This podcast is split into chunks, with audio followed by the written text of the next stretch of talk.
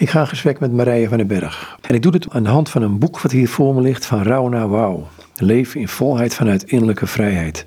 Het is een boek uitgegeven bij uitgeverij Arke Media en die zijn weer een onderdeel van Royal Youngblood Publishing. Goed, ik heb dit boek gelezen. Um, ik, ik heb met een boek altijd zoiets van, ehm, er wordt een script aangeleverd uh, naar een uitgever toe. Dat is meestal een, uh, in veel van de gevallen toch een behoorlijke tijd voordat het uitgegeven wordt. Is dit alweer een gestold werk dan? En ben jij inmiddels alweer in je traject een stukje verder? Ja, het grappige is als een boek afgerond is, dat is voor mij altijd als het naar de uitgeverij gaat. En dan is het mooie moment altijd wel dat je het boek eindelijk ja. ja in handen hebt. Maar uh, dat is voor mij uh, eigenlijk al een beetje mosterd naar de maaltijd, eerlijk gezegd. Ja. Dan, dan ben ik eigenlijk alweer een beetje aan het dromen voor het volgende wat ik mag doen. Maar dit is wel een heel bijzonder uh, boek wat, wat ik hier geschreven heb. Want dit raakt, denk ik, misschien wel het meeste diep van mijn zijn. Van alle titels die ik inmiddels geschreven heb. En het diepst van je zijn is? Als je het hebt over de rauwheid in het leven, over lijden, dan kom je bij de bij misschien wel de moeilijkste dingen in je leven die het liefst misschien wel niet onder ogen wil komen.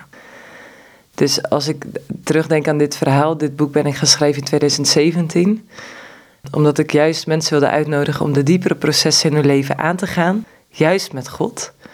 Om echt in alle kwetsbaarheid de dingen in je leven aan te kijken. En eigenlijk op een nog diepere manier te mogen ontdekken, wat is Gods liefde dan? Wat is zijn genade en wat betekent dat dan voor mij in mijn leven van elke milliseconde van de dag? En dat gaat dan een stuk verder dan op zondag naar de kerk gaan en beleiden: Ik ben zondag, Heer, ik heb uw offer zo hard nodig. En door het offer van Jezus Christus heb ik straks recht of mag, ik in de hemel komen. Terwijl ik geloof dat het leven met God al heel veel betekent in het leven van nu. Juist in dit moment hoe dat ik denk, hoe dat ik voel, hoe dat ik in het leven sta. Hoe ik me verhoud tot, tot andere mensen. Vanuit het fundament, zeg maar, vanuit de bron, de levensbron die God wil zijn. Ik had een leraar vroeger in Wales, die zei dit. Het is een tekst in Colossense, dacht ik, die zegt van... wanneer Christus verschijnt die ons leven is... Hij zei, ja, dat is een interessante, want wij denken vaak heel geestelijk. Hè? Als je een bidstand hebt, je hebt een leuke boek geschreven... of je hebt, je hebt een kerkdienst... Hij zegt maar het besef dat Christus je leven is als je een eitje bakt. Hè? Ja, en als je dat gaat verkennen, dan is een leven met God niet van, oh ik moet elke dag bidden en Bijbel lezen. Maar het is eigenlijk een, een wandeling van heel de dag door. Dus als ik daarin naar mezelf kijk, dan vind ik het heerlijk om uh, als ik coachklanten bijvoorbeeld binnen heb, dan ben ik met God ook in gesprek als ik iemand aan het coachen ben. Heer, wat heeft deze persoon nu nodig? Welke vraag mag ik stellen? Of wat is hier precies nu aan de hand? Of als ik op mijn neefjes of nichtjes oppas, dat ik dan ook voor hun mag bidden en, en een zegen over hun mag uitspreken. Al zijn ze aan het spelen of al ben ik wat uh, vrijheid voor ze aan het snijden. Dus zo in de kleine dingen van het leven al zo wandelen met wie God is. En dat is voor mij zeg maar zo'n ander perspectief. Ook als ik dus kijk naar wat ik dan meemaak, wat voor moeilijke beslissingen dat ik moet maken. Want dat doe ik echt in de, in de zoektocht van Heer, wat zegt u nu tot mij? Ook door gesprekken heen, door liederen heen, door uh, kerkdiensten heen, door de preek heen, door wat ik lees in de Bijbel, eigenlijk door alles heen van Heer, wat is nu uw wijsheid? Heer, wilt u kennis geven over ditgene wat ik wel of niet mag doen? dat kan ook heel erg een soort gesublimeerde Marije worden natuurlijk. Dus dat het allemaal om jezelf gaat. Nou ja, ik geloof dat als ik de Bijbel lees, dan zegt God, al zegt Jezus, wat, is dan, wat zijn dan de geboden? God liefhebben boven alles en je naast als jezelf. En dan schrijft Paulus in Efeze 5 dat niemand zijn eigen vlees haat. We hebben onszelf allemaal zo erg lief. Daarom doen we juist sommige dingen wel of juist niet. Dus echt wetende, ik ben hier op aarde om een stuk van Gods licht te laten zien. Om mensen een stuk van zijn heerlijkheid te laten zien. Ja, om hem te vertegenwoordigen hier op aarde. Dat is voor mij mijn levensdoel hier op aarde. In alles wat ik doe. Nou zei je net van, het gaat toch vaak ten diepste om je innerlijk, wie je bent. Ik geef me een voorzet waarom je me becommentariëren. Um, het gebeurt vaak dat mensen een paar dagen een klooster in willen. De stilte. En die stilte is, is heerlijk. Alleen wat ze dan merken is dat, die, dat er een enorme herrie van binnen zit. Herken je dat? Nou ja, dus die herrie, ik denk dat we, uh, de gemiddelde mens vermijdt stilte. Omdat we misschien wel bang zijn voor die herrie. Ik heb het nu over Marije. Ja, ik hou enorm van stilte. En mensen die mij kennen, die weten dat ik sinds mijn vijftiende hard loop. En ik loop standaard zonder muziek. Omdat ik juist daar in de stilte al ben ik aan het hardlopen in de natuur. Wil verkennen van, hé, maar wat borrelt er allemaal in mezelf? Wat leeft er allemaal? Wat zijn de gedachten die ik allemaal heb? Maar ook, dat zijn ook mijn momenten echt van uh, gebed. Van Heer, ja, gewoon in alle issues die er dan leven hem dan ook te betrekken. Maar dat gaat nooit over Marije die dan subliem is of zo, zeg maar. voor mij is het leven, gaat mijn leven niet om mij. Eh, ik leef zeg maar niet mijn eh, leven hier op aarde omdat ik dan denk, uh, het leven hier op aarde is eindig. Maar het heeft een ander doel dan hier op aarde te denken, ik moet er nu alles uithalen wat erin zit. Want ik heb een heel ander perspectief op het leven. En dat is? Uh, ik moet denken aan Jesaja 60, dat, dat laat het heel erg mooi zien waar God ons in uitnodigt om te gaan staan, om zichtbaar te zijn. Of dat je nou zeg maar zichtbaar bent uh, op een zichtbare plek voor mensen. Op, ik zat dan wel eens op podia, maar ik bedoel het niet zo. Uh, want elk mens mag gaan staan in wie God jou gemaakt heeft, waarbij Gods heerlijkheid over ons kan lichten. En dan staat er zo mooi dat mensen van heinde en verre zullen komen. Mensen die God nog niet kennen, want dat zijn dan ook de, hè, de volken van ver. En zij zullen dat licht dus zien, die heerlijkheid zien die over ons uh, schijnt. En dan hoop ik zo, zeg maar, dat als mensen mij zien, uh, ook klanten van mij die God nog niet kennen of waar ik dan ook ben, dat ze een stukje mogen zien van wie God is. En dan zeggen, Marije, datgene wat jij hebt, dat wil ik ook. Wat is dat? En dat gaat dan niet over een positieve mindset, wat in onze maatschappij zo erg zit. Dat zit hem niet in de law of attraction. Je moet maar positief denken, dan komt het naar je toe. Maar dat zit in het ontdekken wat Jezus zegt tegen die Samaritaanse vrouw, die bij die bron zit. Als je drinkt van mij, dan zul je zijn als die bron waarvan het water nooit ophoudt. Want dat is wie God is, dat is watgene wie Hij wil zijn in ons leven. Die bron van leven, van waardigheid, van, van vrijheid, van volheid. Ondanks dat wat er in je leven gebeurt. Maar wel wetende, zeg maar, bij God is mijn veilige vesting. Bij Hem ben ik veilig. Bij Hem mag ik me gekend weten. En in dat alles zegt God in Psalm 46. Als het al stormt in je leven, dan mag je ook jezelf realiseren dat Hij zegt: Wees stil, want ik ben. En dat, dat te kennen, dat te weten, ja, geeft voor mij een heel ander perspectief op het leven. Hoe begon het bij jou? Ja, als ik daaraan terug moet denken. Als kind had ik een, uh, had ik een paard. Ik ben opgegroeid op een boerderij. En ik weet nog dat ik dan ochtends naar mijn paard liep, die dan in het weiland stond. En dat ik alle sterren zag. En dat ik me echt afvroeg, een beetje wat David doet in Psalm 8. Heer, als ik dan kijk naar de sterrenhemel, gewoon de grootsheid van uw schepping. Ja, wie ben ik dan dat u aan mij denkt? En dat was voor mij als kind zo'n verwondering. Heer, als u zo groot was, als u al voor de schepping er was. En dan ook de verwondering, hè, maar u kent mij ja, dat, dat ging mijn verstand te boven. Maar dat vond ik zo'n troost. Zo'n, ik voelde me dus als, als jong meisje, ik denk dat ik een jaar of tien was of zo, al zo diep gekend. Ja, dat, dat is nooit veranderd. Maar goed, ik wilde er een aanleiding om dit boek te schrijven. Dus wat gebeurt er dan met je? Want zo'n boek schrijven, dat komt niet zomaar uit de lucht vallen.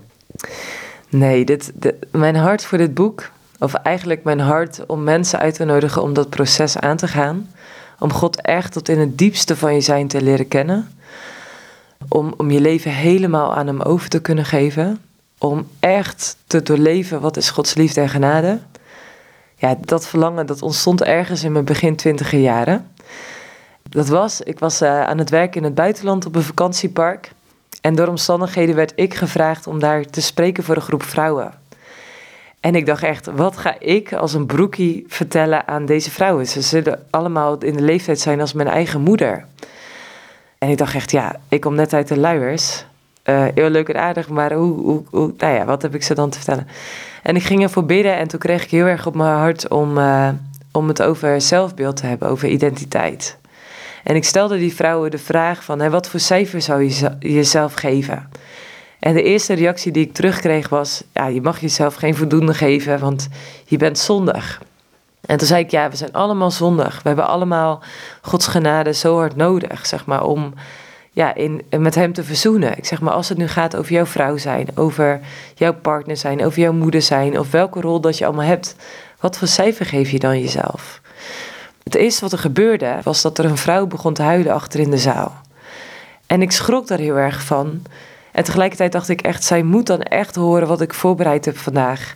Dus eh, iemand uh, die was heel erg lief voor haar, die naast haar zat. En ik dacht, ik geef haar geen aandacht. Ik ga gewoon mijn verhaal doen.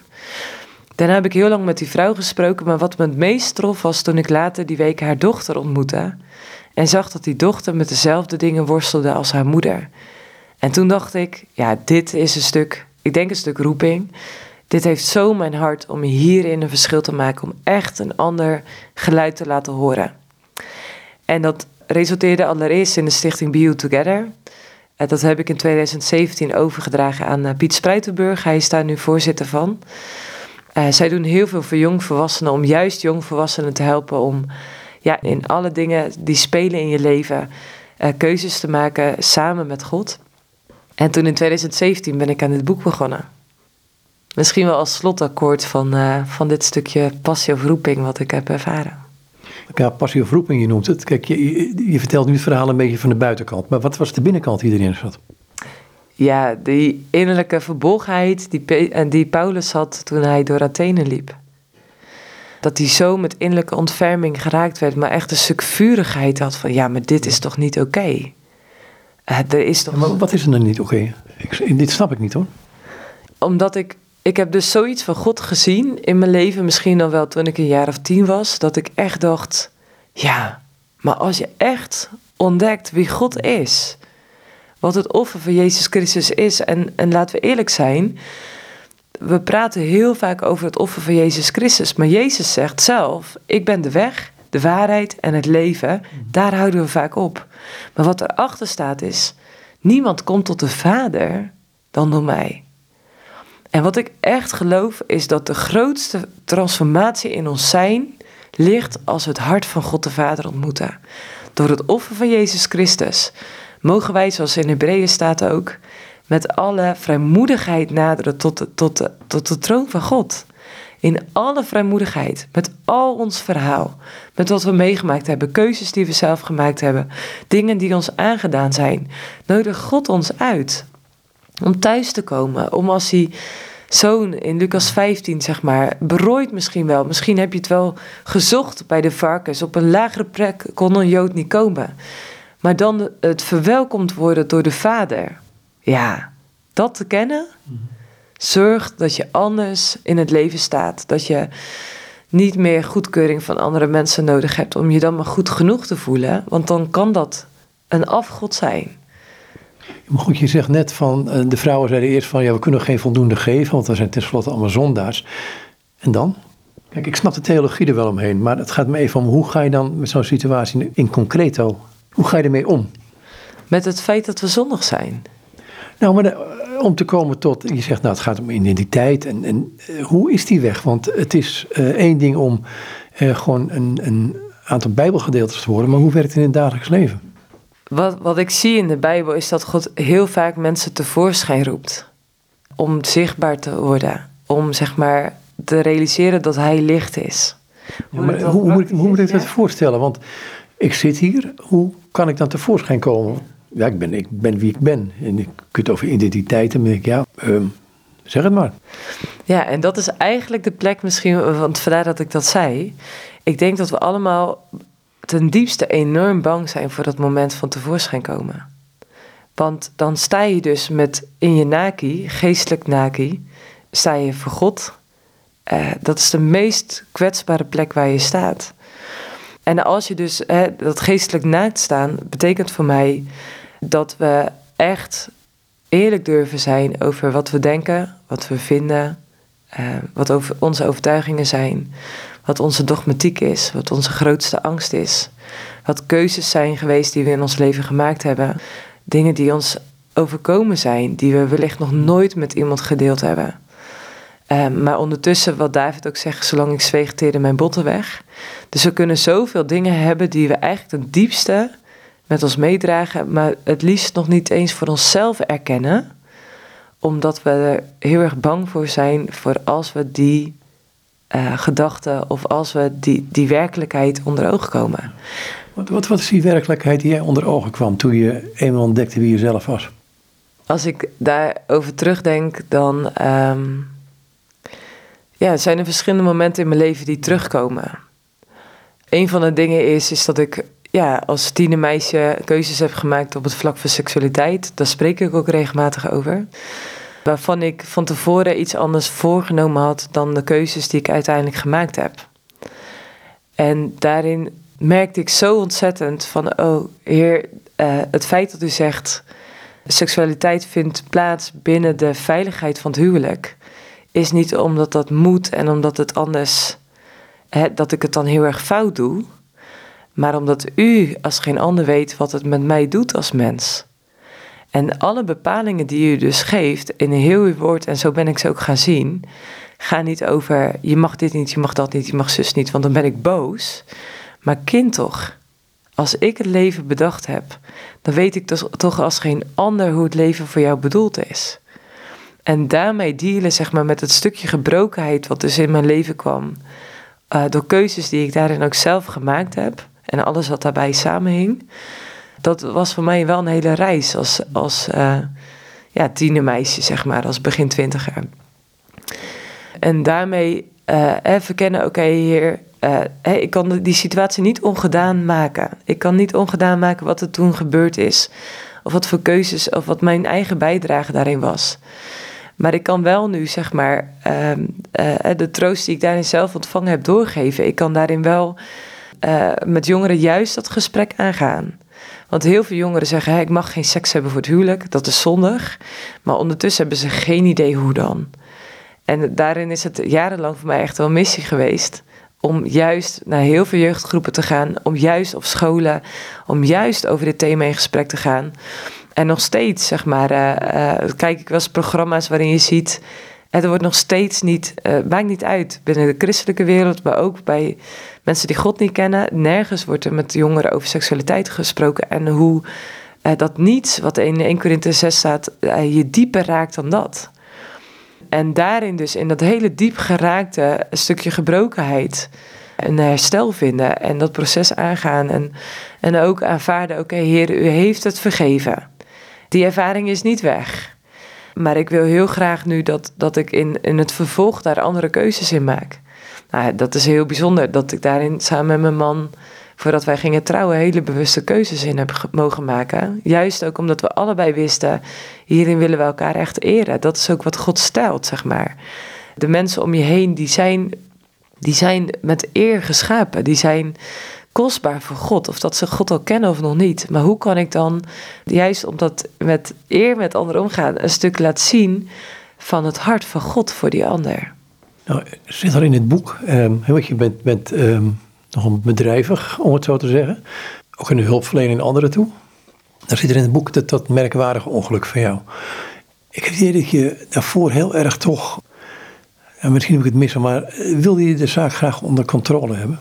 Wil je graag uh, toch weten wat je deed en hoe je deed? Ik denk dat ik, ik ben een beetje pionierig. En dan kenmerkt het je dat je, dat je wat makkelijker eh, keuzes maakt zonder dat je echt weet waar je naartoe gaat. Zo ben ik ook wel een beetje opgevoed. Eh, het bedrijf van mijn ouders heet Neschio. Uh, dat is Latijn voor ik weet het niet. Dus als ondernemer weet je nooit wat de toekomst brengt. In 2017 heb ik alle stichtingen waar ik wat voor deed. Ik leidde twee stichtingen en ik werkte voor verschillende organisaties. En ik heb al het werk toen afgerond, omdat ik heel sterk de indruk had dat God zei: er komt een ander seizoen aan. En daar had ik een plaatje van geschetst. Ik had toen een relatie met iemand. Uh, we hadden samen een droom. En nadat ik in Zwitserland gewerkt had als uh, ski- en snowboardleraar, zou ik een sabbatical nemen om dat plan verder uit te gaan werken. Op 1 januari zei deze jonge man, terwijl dat ik dacht, misschien vraagt hij me wel ten huwelijk. Dus in dat stadium was ik zelf, in mijn gedachten. Dus misschien wel in datgene plaatje wat ik helemaal uitgetekend had. Zei hij, wat als je zonder mij verder gaat? ja, dat was. Ik had alles net afgerond. Ik dacht een toekomst met hem te hebben om een plan samen met hem uit te gaan rollen wat ik uit zou werken. Dus zeg maar, heel mijn leven stond op zijn kop. Zeg maar. Het was alsof dat het toekomstplaatje plaatje wat ik zelf geschetst had, in een miljoen stukjes uiteengescheurd werd en dan pff, door de lucht heen fladderde. Fladder jij door de lucht heen met een snowboard? Ja, ik weet nog dat ik in de lift zat en uh, naar boven, naar de, uh, de berg. in de gondel en dat ik uh, aan het huilen was. Ik zat alleen in zo'n stoeltjeslift voor vijf personen of zo. En ik voelde me zo enorm eenzaam. En ik bad echt naar God van Heer, ik weet het echt niet meer. Ik weet echt niet meer. En ik weet wel, zeg maar, dat, dat ik me daar heel erg verloren voelde. Misschien is wel het meest verloren moment geweest in mijn leven. Omdat ik dacht, ik was zo van in de overtuiging dat datgene wat ik in mijn hoofd had gehaald, dat dat van God was. En toen verdampte dat voor mijn ogen. Nou ja, dus ik stond toen boven op de berg, maakte mijn snowboard vast en ik dacht, uh, ik knal hem even naar beneden. Ja, en toen ben ik over de kop geslagen. En het bizarre is, ik stond op en ik dacht, uh, mijn rug, rug en mijn nek zijn oké, maar ik moet oppassen voor een innerlijke bloeding. En daarna ben ik denk ik nog een half uur teruggeboord naar de skischool waar ik werkte. Ja, en daar stort ik in. Dus door de shock ja, uh, gaan er dan al mijn systemen in je lijf draaien om naar een veilige plek te gaan. En als je daar bent, zeg maar, op een gegeven moment, ik kon niet meer ademhalen, zeg maar. Ik had zoveel pijn. Dan heb jij geen controle meer over je leven. Ik zeg het even heel, heel zwart-wit nu. Dan wordt u wil geschieden. Wordt het dan een, een, een omarmen van? Of wordt het van, ja, het kan niet anders? Het, ik vond het een hele vertroosting.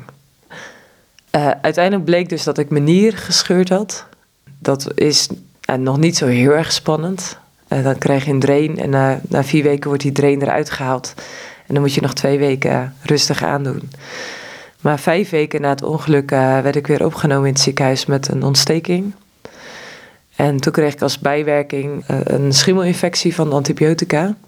En die kon door de, door de drain en de katheter achter mijn nier nestelen. Dus toen kreeg ik als gevolgen zeg maar, eigenlijk van de antibiotica dus een schimmelinfectie achter mijn nier. En toen ben ik drie keer opgenomen met bloedvergiftiging. Dus ik werd steeds zieker, steeds zieker, steeds zieker. En ze wisten niet wat er aan de hand was. En ik kreeg dus iedere keer antibiotica. Nou, die schimmel via de hoogtijdagen. Want antibiotica die doodt bacteriën, maar geen schimmels. En het was Palmzondag. Ik had een uitnodiging gekregen voor de, voor de kerkdienst in, de, in het ziekenhuis. En het was denk ik mijn derde ziekenhuisopname. Ik heb uiteindelijk vijf ziekenhuisopnames gehad. En ik vroeg aan de zuster, mag ik naar de kerk? Toen zei ze, hoe wil je daarheen dan? Dus ik zei, nou, in een rolstoel. Ze zegt, dat kan niet, daar ben je te ziek voor. Dus toen werd ik door de twee bejaarde mensen, door allemaal gangen in het ziekenhuis, naar de kerk gereden. En ze waren een beetje de weg kwijt. En ik bad, Heer, wat heeft u vandaag voor mij? En toen kwam de tekst in gedachten: Ik ben met u alle dagen tot aan de vereinding van de wereld. En dat was zo'n troost. Dat was alles. Zeg maar, ik had geen controle over mijn leven. Ik wist één ding: ik ga hier niet sterven. Waarom wist je dat? Dat was eigenlijk een heel diep weten. Ik wist dat ik wist dat ik wist dat ik niet zou sterven. Maar de realiteit wees eigenlijk iets anders uit. Uh, dat je een arts in de ogen kijkt en doodsangst ziet in zijn ogen voor jou. Ik kan die ogen nog zo terughalen. Dat was echt heel heftig. Maar ik wist, ik ga je niet sterven en God is hier bij mij. Uh, ik wist, het komt goed. En dat was genoeg. Ja. Ja, waarom is dat genoeg? Want um, in het boek ga je heel erg op het lijden in op een gegeven moment. Want ook dat overkomt je op dat moment. Ehm, en nogmaals de vraag, um, omhels je dan van harte datgene wat God voor je heeft of het gebeurt maar? Ja, uh, ik ga in, in het boek inderdaad in op lijden, omdat ik al bij mijn eerste ziekenhuisopname iemand aan de lijn had of een bericht gekregen van iemand.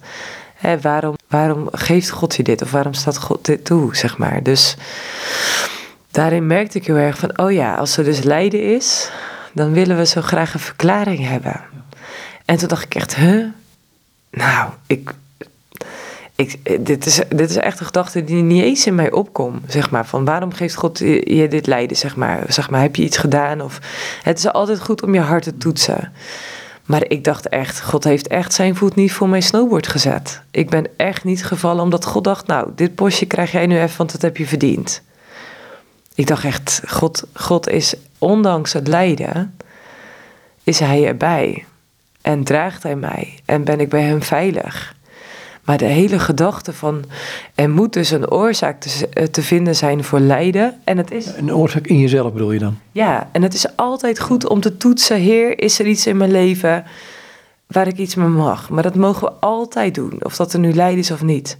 Maar wij willen dus als mensen zijnde zo graag controle hebben, dat we lijden willen verklaren, want dan kunnen we iets de schuld geven. Of in ieder geval, dan kunnen we dat klein krijgen in ons hoofd. Maar ik denk dat we lijden in de wereld niet klein kunnen krijgen in ons hoofd. Sterker nog, als je gewoon de Bijbel leest, sinds de zondeval, kennen we allemaal pijn, moeite, verdriet, onzekerheid, moeilijkheden, uh, lijden in welke vorm dan ook. En waarom zou het mij dan, zeg maar, mij dan niet toekomen? Zeg maar, waarom zou er in mijn leven dan geen lijden zijn? Ja, dat zou ik echt, dat zou ik helemaal bijzonder vinden, zeg maar, als mijn leven zonder lijden zijn. Want ik ken niemand in de Bijbel van wie zijn leven zonder lijden was. Je zegt, het kan mij overkomen. Nogmaals de vraag, uh, omarm je dat dan ook? Of zeg je van, het blijft een beetje hangen in de zin van, uh, ik weet niet hoe het komt, maar goed. Ja, als je zo ziek bent, dan, dan, dan gaat dat niet door je heen of dat je iets omarmt. uh, in het herstelperiode, wat heel lang duurde, door allemaal andere dingen, zeg maar. Uiteindelijk heb ik 2,5 jaar moeten werken aan herstel. ben ik in totaal bijna drie jaar ziek geweest. En toen wist ik, zeg maar, van oké, als ik dit echt wil omarmen, als ik dit echt aan wil gaan, dan ga ik all in. Dus toen heb ik me aangemeld bij de uh, coachopleiding van Groundwork van Michelle van Düsseldorf en haar team. Omdat ik wist, zeg maar, ik wil dan gewoon echt alle, alles onder ogen komen en alles doorleven. Alle pijn in de ogen kijken. En God daarin uitnodigen van Heer, wie bent u dan ook in het lijden? En een van de dingen, dat beschrijf ik ook in het boek, uh, was het moment dat ik voor de vijfde keer naar het ziekenhuis moest. Ik was diezelfde ochtend ontslagen en ik zei in het ziekenhuis: Ik voel me niet goed. Was in Zwitserland overigens. En mijn moeder was naar, naar Zwitserland gevlogen om samen met mij in mijn auto terug te rijden naar Nederland. En ik zei: Ik voel me echt niet goed. En op weg naar de vrienden waar ik uh, al die tijd logeerde, tussen de ziekenhuisopnames in, uh, moest ik overgeven. En uh, kwam er alleen maar gal uit mijn, eruit. En vervolgens, zeg maar, nou, toen ik opgenomen werd, had ik ontstekingswaarde richting de 400. Ik had een bloedende maag, vocht achter mijn longen, hartritmestoornissen. Het ging echt helemaal fout. Maar dan de realisatie, ik, kreeg weer uh, koude koorts, zeg maar, weer van die koortsrillingen. Ik moet weer naar het ziekenhuis. En ik weet wel, zeg maar, ze zeiden, hè, pak je spullen, we gaan weer naar het ziekenhuis. Ik was, ik was echt net acht uur uit het ziekenhuis. En ik zei, ik, ik heb even tijd nodig. En ik ging op bed liggen, in feutushouding, en ik bad, Heer, u zegt in uw woord dat u een goede vader bent. U zegt in uw woord dat als een kind om een brood vraagt, u geen steen geeft. Waarom moet ik dan nu weer naar het ziekenhuis? Ik geloof dat u bij machten bent om me nu in één keer te genezen, zonder bijkomst van artsen. Heer, waarom moet ik dan nu naar het ziekenhuis? Nou, toen ben ik uiteindelijk naar het ziekenhuis gegaan. En ik noem dit wel eens mijn God-trauma. Dat ik later, een jaar later, iemand hoorde spreken over deze tekst. En echt merkte dat ik zo gefrustreerd was richting God. Van Heer, ik wil hier geen genoegen mee nemen dat dit stukje vertrouwen in u geroofd is. Want ik weet dat u een goede vader bent. Uh, dat was in Amerika. Ik vloog de dag daarna terug naar Nederland. Omdat ik uh, uh, weer een, een, een, coachdag had, zeg maar, een opleidingsdag had. En daar was een, een oefening die Chris van Düsseldorf deed. waarin hij mij als, als voorwerp voor instructie gebruikte. En uh, hij nodigde me uit om, uh, om een, een trauma, zeg maar, om een moeilijk moment in mijn leven voor ogen te halen. Dat was dat moment. En toen vroeg hij mij: kun je God uitnodigen in, in dit beeld? Dus ik zag mezelf op bed liggen in die feutushouding. En ik, uh, zeg maar, vervolgens zag ik twee handen die mij optilden. en ik hoorde een stem zeggen die zei: Marij, ik heb je al die tijd gedragen. En toen vroeg Chris mij, zou je, zou je aan de Heere God nog een vraag willen stellen? Toen zei ik, ja. Heer, waarom heeft u me toen op dat moment niet genezen? Want ik wist dat u dat kon. En toen zei God, ik wilde nog meer van mijn grootheid laten zien. Nou ja, dat heeft hij gedaan in al die tijd daarna, zeg maar. En het was zo, zeg maar, alsof dat echt mijn, mijn grootste rauwe moment in mijn leven eigenlijk een gloriemoment werd, omdat Gods licht erover scheen. En hij laat ook zien in zijn woord dat hij in elk seizoen er is. Als je Psalm 139 kijkt, dan is hij bij ons als we in de, in de toptijd zitten, maar ook als in de, de, de verleiders duisternis, zeg maar. Als we wegvlieden, zeg maar. Waar, waar we dan ook zijn, God is daar. En soms kan het zo zijn dat je God niet ervaart. En misschien ervaar je God nu niet in de situatie waarin je zit, maar Hij is er wel. En geloven gaat niet alleen maar om datgene wat ik voel of ervaar. Dat is in onze maatschappij enorm zo, zeg maar. We zijn zo gebaseerd op wat we voelen of ervaren en dat is leidend, zeg maar. Maar uh, God te kennen, zeg maar, God te weten, maar ook te kunnen zien op alle gedenkstenen in je leven van, maar toen was God erbij en toen was God erbij. En soms zie je dat pas achteraf. Net zoals dat gedicht met die footprints in the sand. Mhm. Dat je soms pas achteraf ziet, het was maar één spoor, maar het was de tijd dat God je gedragen had. En die momenten allemaal geven voor mij, zeg maar, wat er dan ook in mijn leven op mijn pad komt. Ik had zoveel, ik had een schatkist vol aan ervaringen. Van toen was God erbij en toen was God erbij en toen was God erbij. God is onveranderlijk. Dus zelfs als ik nu in een situatie zie, zit dat mijn leven zo enorm moeilijk is, dan weet ik, maar God zou net zoals toen en toen en toen en toen, ook toen ik het toen niet wist, nu ook uitkomst bieden. Dat is wie Hij is. Hij is de goede herder. Mij zal niets ontbreken. Hij zal mij leiden. Dat zijn allemaal beloftes. Dat laat allemaal een stuk zien van wie die goede vader is. Die goede herder. Is er nou een moment geweest dat je zei van, ehm, ik vind loslaten een rotwoord hoor, moet ik zeggen, maar dat je dingen in de handen van God moest geven, oftewel, ik het anders zeggen.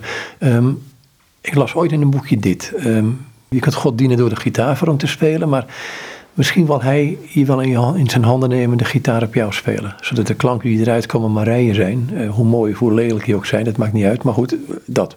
Ja, loslaten. ik kon nooit iets met het woord loslaten ik weet dat ik nog met mijn beste vriendin een keer uh, echt een, uh, soort van ruzie moment had gehad, zeg maar. Of hier ruzie, en een conflict over had. Dat ze zei, maar je moet het gewoon loslaten. Ik zeg, loslaten? Dat zeg maar impliceert soort van dat je onverschillig moet zijn of zo. Of dat je je hart ervan af moet keren. En ik ben echt met God in gesprek gegaan. Heer, wat is loslaten dan? Heer, hoe werkt loslaten dan? Of hoe ziet dat er dan uit?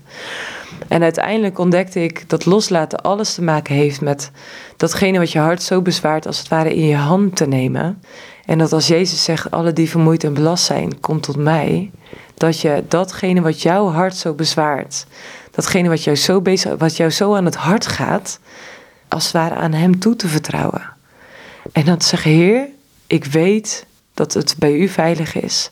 Wilt U mij rust en vrede daarvoor in de plaats geven? Dat is wat Jezus ook zegt volgens mij in Matthäus 11. Zeg maar dat dat zo mag werken. Dat loslaten niet gaat van oké, dan dump ik het maar bij God, want dan uh, zoekt Hij het maar uit.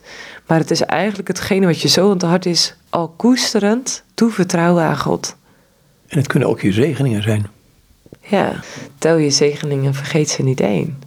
Nou, ik heb soms het idee als ik mijn zegeningen aan God geef, dat ze dan veilig zijn. ja, maar dat zijn ook dingen die je aan het hart gaan. He, want er zijn natuurlijk zoveel dingen, zeg maar, zoveel mensen die je lief zijn, zoveel dingen die je lief zijn, ja, die je ook bij God mag brengen, zeg maar. Ja, als ik denk aan mensen die me heel erg aan het hart gaan, mensen waar je dingen voor gunt, ja, dat zijn mensen die ik dus steeds weer, als het ware, al koesterend bij God breng. Wetende dat, dat Hij met hun hun weg gaat uh, en ik dat dus niet kan.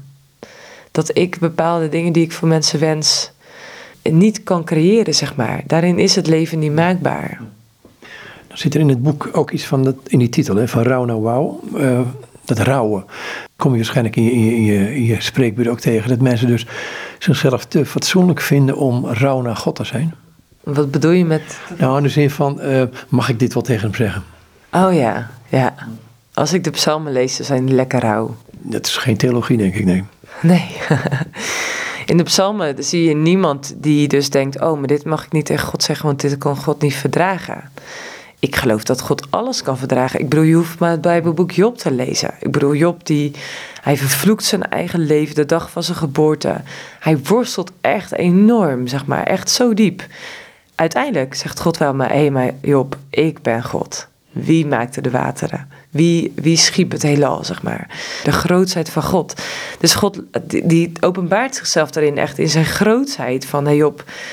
En uiteindelijk is de getuigenis ook van Job van ja, ik heb, eh, ik heb altijd geloofd omdat ik het gehoord heb, maar nu heb ik het echt gezien. Ja, en dat is voor mij ook het proces vanaf 2018 tot 2020 is een nog dieper zien, nog een dieper kennen van de grootheid van God, maar ook van Hem als Vader, Hem als geneesheer. Eigenlijk de hele, nou, de hele veelkleurigheid van God. Ik denk dat ik God niet kan bevatten met mijn hoofd, maar ik heb zoveel meer van Hem gezien. En dat maakt me nog stiller, nog meer verwonderd van, van wie Hij is en, en ook dat wij maar een mensje zijn. Er zit een wederkerigheid in dus, in, in jouw relatie met God.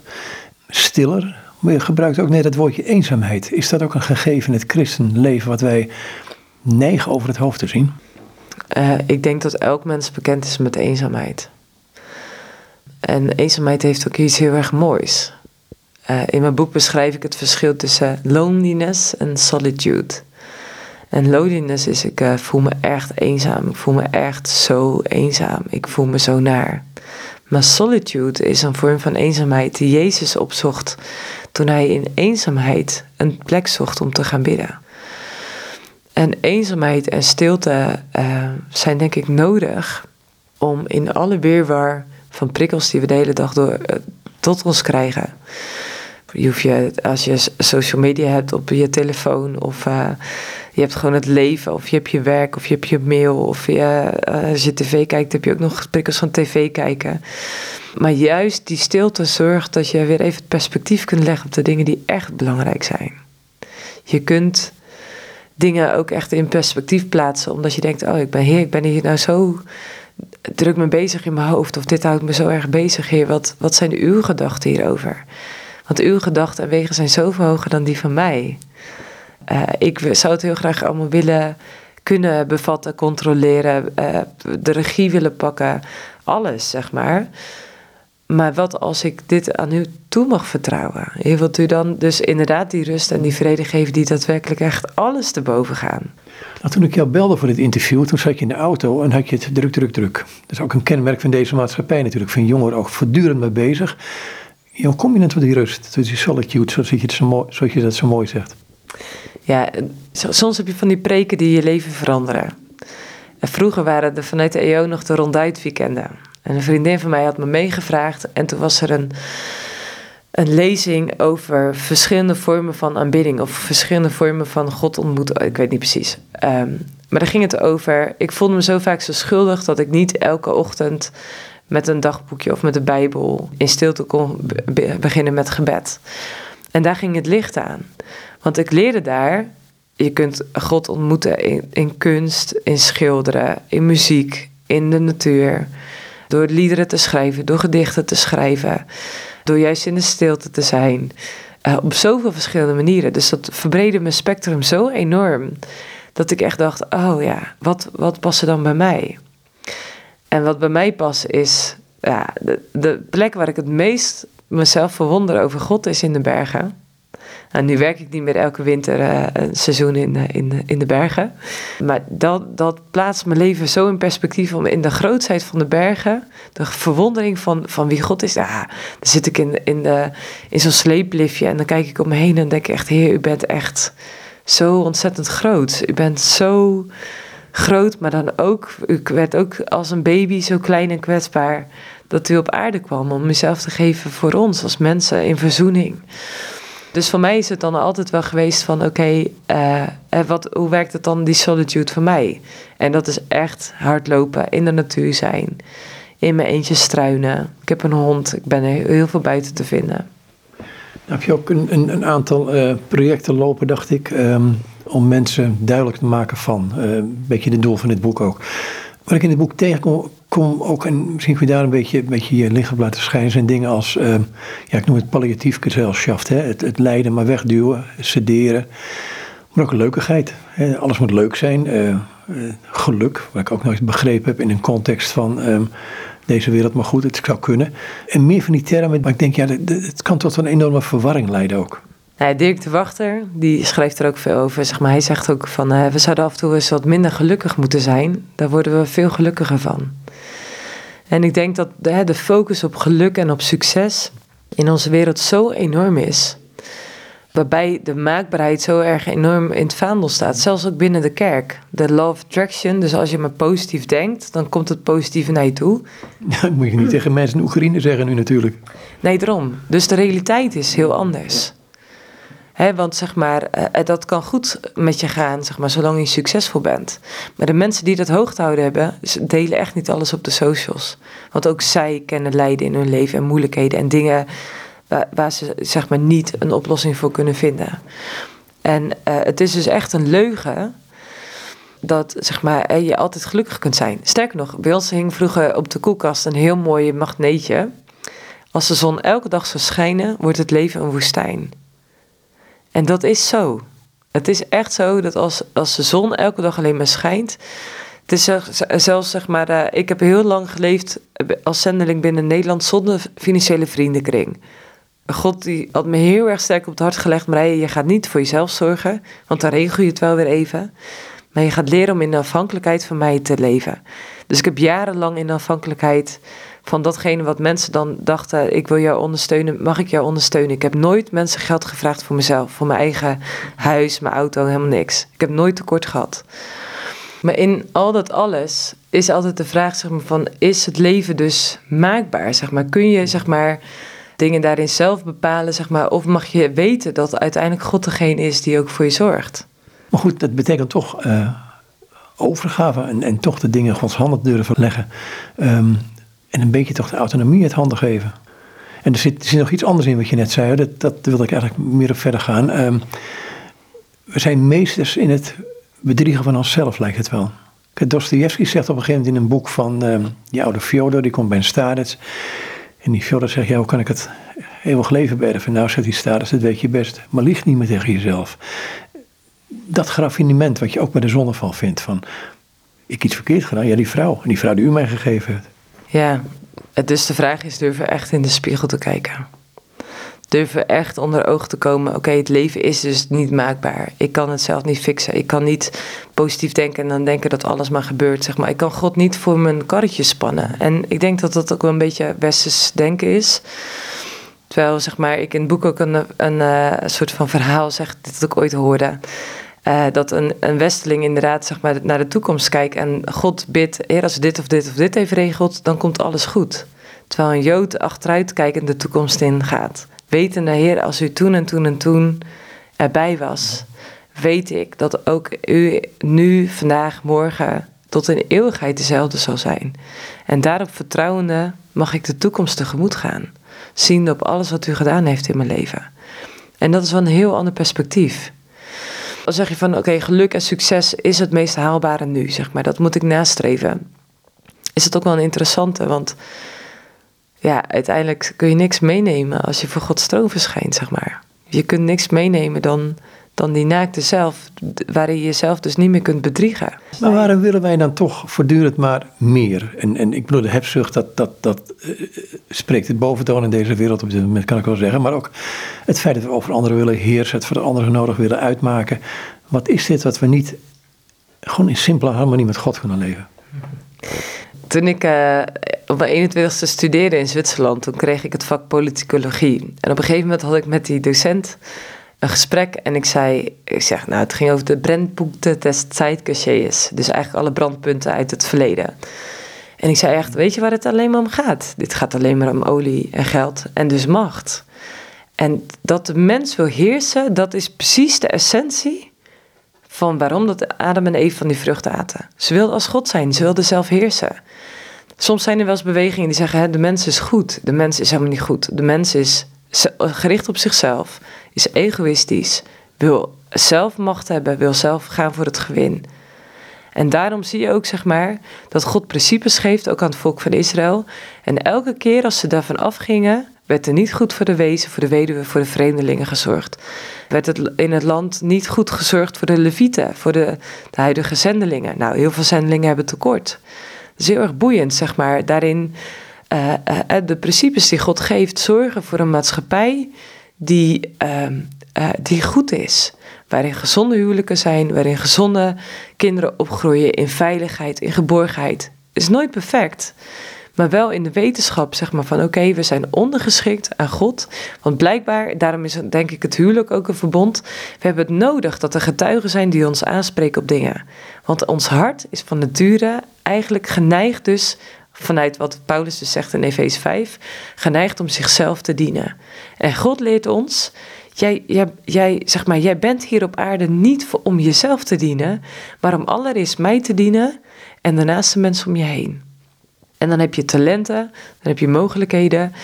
dan, dat heet rentmeesterschap, zeg maar. Dat zie je dus al in Genesis ontstaan. Er worden jouw dingen toevertrouwd door God. En wij mogen daarin velen tot zegen zijn. Mag je dan niet rijk zijn? Nou, Salomo was de rijkste man ooit in de wereld. Als je kijkt naar Abraham, die was ook heel erg rijk. Dit gaat niet om rijkdom, maar dit gaat over, zeg maar, in alles wat je toevertrouwd bent, ben je daarin een goede rentmeester voor de mensen om je heen, in onze maatschappij. Nou, ik las toevallig vanochtend Johannes de Doper, uh, komt het inkeer en en die zei onder andere, wie twee stel kleren heeft, die geeft er één weg. En met het eten doet hetzelfde. Dus dit staat een beetje dwars op wat je nu zegt. Nou, dit gaat juist ook over weggeven. En dat daarin, zeg maar, juist de uitnodiging om ruimhartig weg te geven. Uh, als je kijkt, zeg maar, er staat in de Bijbel heel veel, laat je linkerhand niet weten wat je rechterhand geeft. Ik weet wel, nou, dat is een, een ander thema waar ik misschien ooit nog wel eens een boek over ga schrijven, maar uh, toen ik uh, ging werken bij mijn eerste baan, ik had een jaar vrijwilligerswerk gedaan toen ik afgestudeerd was. Toen dacht ik, keer als ik dan ga werken, dan is mijn eerste salaris geef ik aan u. En ik weet wel dat ik dat zo moeilijk vond.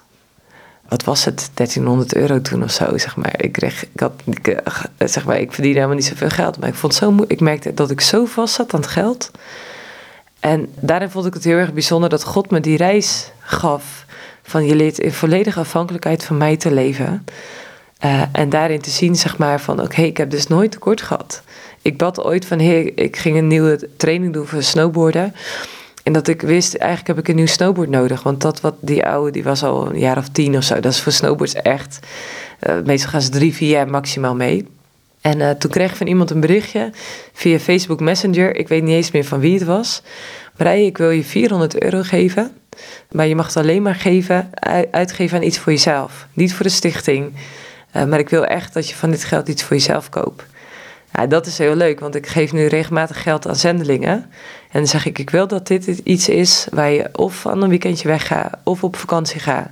Of iets, omdat ik weet dat, dat het moeilijk is om zeg maar, in zo'n situatie ook echt geld te geven aan iets voor jezelf, wat niet per se nuttig is. Maar wel het wel even een mooie knipoog is van, uh, ja, van, van voorziening. Van iets wat, wat, wat we, als we een baan hebben, gewoon allemaal gewoon regelmatig doen, omdat we dat oké vinden. Maar andere mensen dat misschien niet zo snel doen. Ja, maar daar zit nog iets heel gemeens onder, vind ik hoor, wat je nu zegt. Want um, een zendeling, doordat je dit zegt, eh, bepaal jij wat zij moeten doen. Maar uiteindelijk zit er achter al dat de achterban in Nederland verwacht dat een zendeling zijn geld goed uitgeeft. Terwijl ik denk, dat gaat jullie helemaal niks aan. Je moet die persoon steunen. En als die zendeling in, in waar die ook werkt, de honderd zakken patat wil kopen van een auto of het, het weggeeft aan, dat is onze zaak niet. Ja, dus hier kunnen we heel veel mooie dingen over zeggen. Uh, het mooie vind ik is zeg maar, uh, uh, waar ik heel graag over lees, is, is bij het opzetten van de tabernakel. En daarin vroeg God om te geven wat je hart je ingaf om te geven. Uh, en om ook van betekenis te zijn in de talenten die je gekregen had. Ja, dat, dat is. Uh, we zitten zo vaak van je moet tienden geven. Hoe werkt het dan precies? Ja, als God je op, je hart geeft om de 25% weg te geven, waarom zou je dan dat niet weggeven? Nee, dit, er zit het aspect weer in van toch eh, willen bepalen wat anderen moeten doen. Hè? Waarom kunnen wij dat niet loslaten? Um, maar goed, um, ik ga naar het boek toe, um, van Rauw naar Wauw. Waarom, waarom heb je het eigenlijk geschreven? Want je bent bezig met, uh, je geeft allerlei lessen, allerlei workshops. Ja, dus van Rauw naar Wauw was voor mij echt, ja, dat noemde ik net al even, echt het verlangen om mensen uit te nodigen om, om, om uh, God van hart tot hart, of misschien wel van aangezicht tot aangezicht een stukje meer te mogen kennen. Om, om zijn vaderhart, en dat is ook een beetje afhankelijk van wat je beeld is als vader van je eigen vader, van je biologische vader. Hij van de week sprak ik iemand en die zei: Voor mij is de herder daarin veel meer vertroostend, omdat de band met mijn vader niet zo goed is. Dus dat zit hem niet per se in, in die naam, maar wel zeg maar die eigenschappen van God ook te mogen ontmoeten, te mogen verkennen en daarin ook in zijn aanwezigheid te mogen zijn. Uh, dat klinkt een beetje vaag misschien, maar in de wetenschap zeg maar dat, dat, dat je met God de Vader op mag wandelen, zeg maar. Dat, dat je met hem tijd kunt doorbrengen, dat je je hart met hem mag delen. Maar dat het ook een gesprek mag zijn, zeg maar. Ook, van, ook een gesprek mag zijn van, heer, maar wat zegt u dan hierover? En wat wilt u me dan duiden? Dus, en ik geloof dat, dat de beste processen niet alleen maar gaan over een boek, maar echt ook over het zelf ook helemaal doorleven. En dat is dan ook de reden dat ik een online training erbij gemaakt heb. Die mensen kunnen volgen. Of ook een coachtraject. Als mensen zeggen van hé, ik, ik heb niet alleen uh, genoeg aan die worsteling met mezelf. Maar ik zou dat heel graag met jou uh, aan willen gaan. Ja, en het bijzondere is, is dat ik daar al traject in ben begonnen. Want mensen zeiden ook al was het boek er nog niet. Ik merk gewoon dat ik hier zo naar verlang. Dat ik, ja, dat ik gewoon heel graag hier verder mee wil. Waar verlangen mensen dan naar?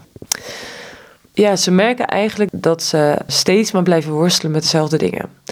Gisteren uh, keek ik een programma Kamp van Koningsbrugge. En er was een dame die thuis uit een uiterst onveilige situatie kwam. En zeg maar, nu zeg maar, had ze gehoopt dat door dus met Kamp van Koningsbrugge... en dat is dan de, de marine, de, de opleiding van de mariniers... doen ze dan voor een week. En dan is de vraag, kom je er uiteindelijk uit, kom je door... Uh, en zij moesten ermee stoppen, zeg maar, omdat ze die, die, hè, dat verleden, zeg maar, de angst uit het verleden, van toen ze drie, vier, vijf, zes, zeven jaar oud was, misschien al wel in de moederschoot zat. Dus nu was ze in de veertig en haar leven was nog steeds, werd nog steeds bepaald door die onveiligheid en die dingen die vroeger gebeurd waren. Zo, je bent het niet waard, uh, je bent niet geliefd. En als ik dat dan zie, dan denk ik echt, deze vrouw heeft een ontmoeting met God nodig. Als deze vrouw daadwerkelijk ontmoet wat God over haar zegt, wat het offer van Jezus brengt in haar leven, ja, dan komt ze tot leven. Ja, maar dat heeft ook een andere kant. Dat noem je in het boek ook. Gewoon de eerlijkheid om dingen te durven benoemen. Want over het algemeen schamen we ons. Um, of we geven een ander de schuld. Uh, Adam en Eva. En dan de schuld aan God geven. Maar het eerlijk durven zijn. En daar hebben we het eerder over gehad. Dat is een hele lastige scherm. Want je hebt ook vaak de, illusie of de gedachte, ook zal wel de enige zijn die het heeft. Terwijl uh, het gros van de mensen loopt rond met van alles en nog wat. Ja, en dat is precies de reden waarom dat ik dus uh, podcasts heb gemaakt. Een serie voor in het boek. En ik blijf dus elke maand een Van en Wouw podcast opnemen. Via alle platformen zijn die beschikbaar. Omdat um, ik zie veel mensen die in de hulpverlening dan niet verder komen. Maar dat komt omdat ze niet alles op tafel leggen. En ik geloof, hoe moeilijk het ook is, hè, want ik onderschat nooit hoe heftig het is. Maar er zijn zoveel mensen die, die uh, een abortus hebben gepleegd, dat nog nooit met iemand gedeeld hebben. Uh, die seksueel misbruikt zijn, die dat nog nooit met iemand gedeeld hebben. Die, die keuzes gemaakt hebben, die vastzitten aan een ding als pornografie. Of die in stiekem zeg maar, een dubbel leven erop nahouden. Uh, die vreemd gegaan zijn. Zeg maar, alles wat je in het verborgene houdt, geeft een opening voor de duisternis om jou toe te eigenen. En daarom is het zo onwijs belangrijk. En echt, als je luistert, wil ik je dat echt op je hart drukken. Dat God zegt: Ik ben licht, in mijn is geen enkel stukje duisternis.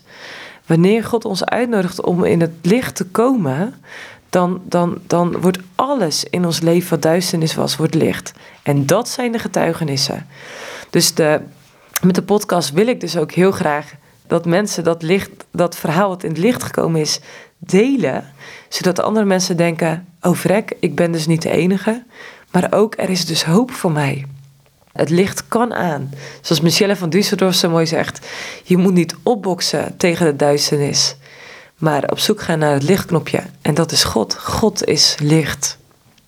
Dus je kunt die deur, als Jezus aan de deur staat en klopt, eh, maar het beeld te gebruiken, dan kunnen je die deur op een kier zetten en dan komt het licht binnen en dan begint het wel. Ja, en het is super spannend. En daarom is het zo goed, dat zeg ik ook altijd. Doe dit niet alleen. Zoek iemand waarmee je zegt, en dat kan bijvoorbeeld mij zijn of iemand anders, dat hangt niet vast aan mij. Maar als je merkt, ik voel me dus bij iemand veilig, iemand kan voor mij daarin, zoals eh, Jacob van Wielink zegt, een secure base zijn, een veilige basis zijn Dat iemand eh, een stukje van God daarin voor jou kan, kan laten zien. Nou, Arie de Rover is daar een heel mooi voorbeeld eh, van. Maar ik geloof dat we juist ja, dat als kerk zijn ook voor elkaar mogen zijn. Dat we een secure base zijn waar er geen veroordeling is, maar verwelkoming van gebrokenheid. En dat we allemaal weten, we zijn allemaal gebroken. We hebben allemaal dingen meegemaakt, we hebben allemaal dingen gedaan. Dus laten we stoppen met mensen dan de deur te wijzen, maar te zeggen: je bent juist zo welkom. En dan te betonen wat ja, de vader van de verraste zoon liet zien. Van oké, ik omhels je. Uh, ook al voel je het jezelf niet meer waard. Ik bekleed je met de eer en de waardigheid van die mantel. De autoriteit van de ring. Maar ook de uh, bestemming op aarde met de sandalen die hij kreeg. En dan een groot feest. Ja, dat zouden we als kerk wel mee mogen doen. Ja, maar er zijn er altijd van die mensen bij te kijken van zoals die oudste zoon. Van hé, hey, uh, hallo. Ja. En dan is het dus voor iedereen een uitnodiging van oké, wat als ik naar mezelf kijk. Want het mooie vind ik wat, wat God aan die oudste zoon, die oudste zoon had geen idee. Want die, want die vader zegt tegen die oudste zoon, alles was over jou. En ik denk dat we dat heel vaak niet doorhebben. Wat betekent dat dan? Dus dat is echt een enorme uitnodiging om bijvoorbeeld aan een boek van Henry Nouwen te lezen en daar gewoon dat proces over aan te gaan. Zit een uitknop aan jou? Aan mij? Nee hoor. Daar was ik ook bang voor. Oh, nog één vraag. Uh, heb je een website? Ja, www.vanrouwenwouw.nl uh, Ik heb ze alle vier besteld, dus hoe je rauw of vouw schrijft maakt niet uit. Uh, daar kun je meer informatie vinden over het boek. Dan kun je het ook bestellen. En de mensen zeggen wel eens, hey, waarom zou ik dan via jou bestellen? Want dan betaal ik verzendkosten. En bij bol.com of zo is dat allemaal gratis. Maar ik heb een kaartenset uh, laten maken met 12 kaarten. En die krijg je dus cadeau als je via mij het boek bestelt. Daar kun je ook de online training of uh, het coachtraject ook boeken. Goed nu echt, dankjewel. Graag gedaan. En dit is Marije van den Berg. En met haar was ik in gesprek op basis van het boek van Rauw naar Wauw, Leven en volheid vanuit innerlijke vrijheid. Een boek uitgegeven bij uitgeverij Ark Media in Leeuwarden, die weer een onderdeel zijn van de Royal Youngblood Publishing groep. Goed, nogmaals dus, het is over dit gesprek met Marije van den Berg.